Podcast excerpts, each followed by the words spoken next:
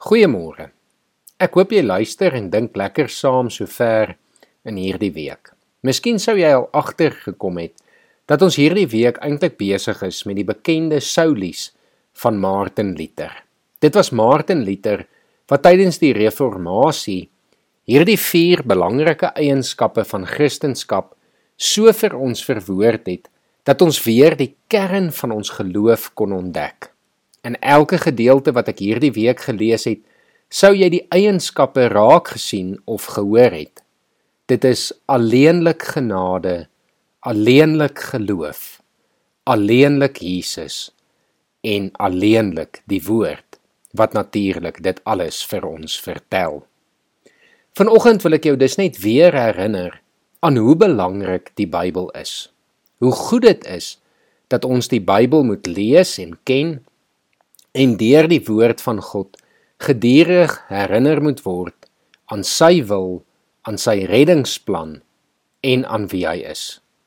Psalm 1 gebruik 'n baie mooi beeld vir iemand wat hulle lewe in God se woord gegrondves hou.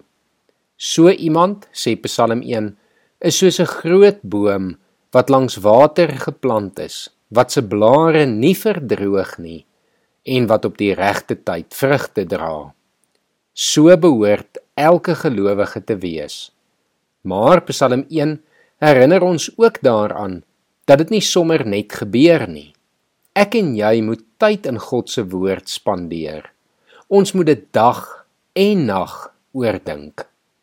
2 Timoteus 3 vers 16 en 17 sê: Die hele skrif is deur God geïnspireer en het groot waarde om in die waarheid te onderrig dwaling te bestry, verkeerdhede reg te stel en 'n regte lewenswyse te kweek, sodat die man wat in diens van God staan, volkome voorberei en toegerus sal wees vir elke goeie werk. Daar is dus nie iets waaroor jy kan wonder of antwoorde oor soek wat die Bybel jou nie uiteindelik sal help nie. Dit is deur tyd in God se woord te spandeer dat elke mens 'n regte lewenswyse gekweek by word, aangepas om God te verheerlik. Die Bybel is wat ons God se wil leer en ons leer om ons wil aan te pas by God se wil. Daarom is dit so belangrik dat ons dit sal lees, sal leer en ook sal gaan leef. Kom ons bid saam. Here, dankie vir die Bybel.